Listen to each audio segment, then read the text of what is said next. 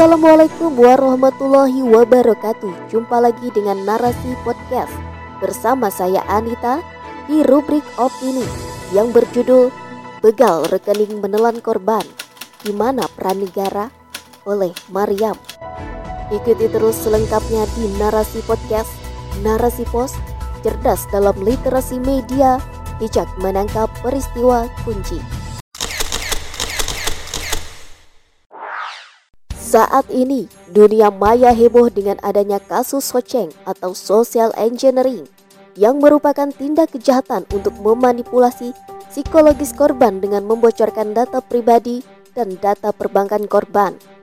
Otoritas Jasa Keuangan atau OJK menghimbau kepada masyarakat agar tetap waspada terhadap aksi kejahatan digital dengan modus social engineering ini karena telah banyaknya nasabah melaporkan kehilangan isi tabungan dalam jumlah besar. Dilansir dari liputan6.com 18 Juni 2022. Cara kerja soceng ini cukup cepat bahkan hanya kurang dari 5 menit. Uang dalam rekening sudah raib.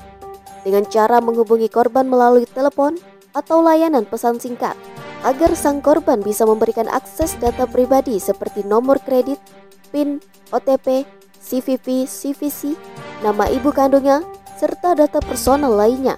Kemudian dalam hitungan menit, saldo rekening mendadak hilang. Lansir dari okezone.com 19 Juni 2022.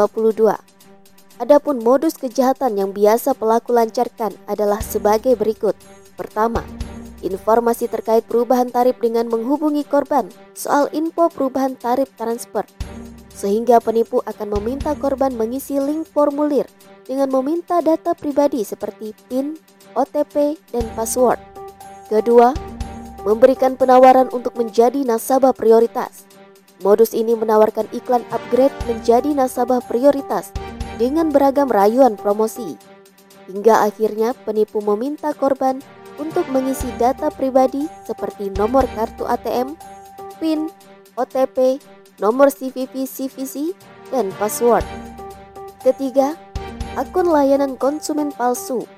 Akun tersebut biasanya muncul ketika nasabah menyampaikan keluhan terkait layanan perbankan, hingga pelaku akan menawarkan bantuan untuk menyelesaikan permasalahannya dengan diarahkan ke website palsu pelaku. Keempat, tawaran untuk menjadi agen laku pandai dengan mudah tanpa persyaratan yang rumit. Pelaku kemudian akan meminta korban untuk mentransfer sejumlah uang sebagai syarat mendapatkan mesin edisi. Dilansir dari liputan6.com 18 Juni 2022. Dengan banyaknya masyarakat yang menjadi korban, hingga berita ini trending dalam media dan banyak diperbincangkan publik, barulah aparat negara bertindak. Padahal, social engineering ini adalah teknik manipulasi yang memanfaatkan kelalaian manusia untuk mendapatkan akses pada informasi atau data pribadi. Dengan informasi tersebut, pelaku dapat dengan mudah mengakses data pribadi yang diberikan untuk modus penipuan termasuk menguras habis isi saldo rekening dalam tabungan. Modus penipuan yang semakin marak terjadi saat ini diakibatkan masyarakat sedang mengadopsi sebuah paham sekularisme di mana aturan agama dan kehidupan dipisahkan. Sehingga aturan dalam syariat Islam selalu disisihkan dan dijadikan aktivitas ritual semata. Inilah yang membuat orang-orang tidak mau diatur memakai aturan agama. Akibatnya, setiap orang bebas melakukan perbuatan apa pun yang penting menghasilkan keuntungan tanpa melihat kembali asas halal dan haram atau ridha Allah Subhanahu wa taala. Makanya banyak modus penipuan seperti begal rekening yang sering terjadi. Terlebih penerapan sistem kapitalis menjadikan manusia bertujuan untuk mengejar keuntungan materi yang berlimpah, termasuk mencuri data pribadi dengan berbagai modus penipuan. Karena baginya penipuan adalah cara cepat untuk mendapatkan uang tanpa perlu bersusah payah bekerja banting tulang. Kapitalisme memang membuat masyarakat menjadi salah mengartikan makna kebahagiaan. Saat ini, persepsi kebahagiaan adalah mempunyai aset kekayaan berlimpah dan kekuasaan yang tinggi. Sehingga untuk mendapatkannya mereka rela melakukan berbagai aksi penipuan tanpa peduli memikirkan dosa dan pahala terlebih adanya ridha Allah Subhanahu wa taala. Lemahnya hukum dalam negara kapitalis membuat para pelaku penipuan merajalela dan bertindak sesuka hati hingga banyak menelan korban kembali. Inilah penerapan sistem kapitalisme yang berdasarkan standar akal manusia, bukan dari Allah Subhanahu wa taala. Dengan lemahnya akal manusia, perbuatan hukum yang diterapkan tidak memberikan efek jerah bagi pelaku, sehingga keamanan yang tercipta selalu gagal. Berbeda jauh jika penerapan yang dilakukan berdasarkan standar Allah Subhanahu wa taala. Di dalam Islam, permasalahan social engineering bisa diatasi hingga ke akar-akarnya negara Islam yang menerapkan Islam secara kafah akan berupaya untuk menjaga ketaatan setiap individu dengan sistem pendidikan Islam agar setiap individu, masyarakat, maupun negara mempunyai rasa takut kepada Allah untuk tidak melakukan kejahatan dan memiliki ketakwaan yang tinggi. Dan mereka akan paham bahwa semua hal yang dilakukan di dunia akan dipertanggungjawabkan hingga fokus menjalani kehidupan untuk berlomba dalam kebaikan dan menjauhi kemaksiatan. Peran negara dalam Islam pun akan memperlakukan sanksi yang tegas apabila ada yang tetap melakukan penipuan.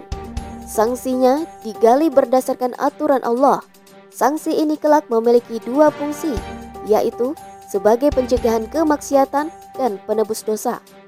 Dengan sanksi ini, setiap orang akan merasa takut dan berpikir seribu kali dalam menjalankan aksi penipuan. Sebagaimana Rasulullah pernah bersabda, Barang siapa yang melakukan dosa, lalu ditegakkan atasnya hukuman atas dosa tersebut, maka hukuman itu merupakan kafarat atau penebus dosa baginya. Hadis riwayat Ahmad. Sanksi ini ditetapkan berdasarkan tingkat kejahatan yang dilakukan dan dijamin akan memberikan efek jerah bagi para pelaku kejahatan. Dalam ukubat Islam, Perbuatan ini termasuk sistem sanksi takzir. Imam Al-Mawardi di dalam Al-Ahkam As-Sultaniyah menyebutkan bahwa kadar hukuman takzir diserahkan kepada qadi dengan kadar yang bisa menghalangi pelaku kejahatan agar tidak mengulangi dan mencegah orang lain melakukan perbuatan tersebut. Namun, bukan berarti khalifah atau qadi boleh menetapkan jenis dan kadar sanksi sesukanya. Khalifah atau qadi hanya memilih dari jenis-jenis sanksi yang disyariatkan. Di antaranya seperti hukuman mati, cambuk, penjara, pengasingan, penyaliban, denda, pemboikotan pengucilan, pelenyapan harta, mengubah bentuk harta, ancaman yang nyata, peringatan, pencabutan hak tertentu, celaan, dan ekspos.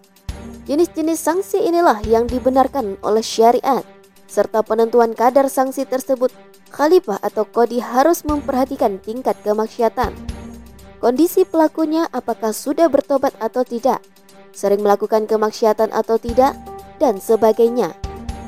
Akan tetapi sebelum sistem sanksi ini diterapkan, khilafah harus memastikan kesejahteraan bagi rakyatnya, sehingga tidak ada celah untuk melakukan kejahatan, penipuan, perjudian, dan sebagainya. Melalui sistem ekonomi Islam, warga khilafah akan dijamin memperoleh kebutuhan mereka, baik kebutuhan pokok maupun kebutuhan dasar publik. Inilah efek ketika umat berada dalam sistem khilafah, sistem yang membawa keberkahan dan kedamaian serta keadilan yang menyeluruh bagi alam semesta. Wallahu alam bisawab.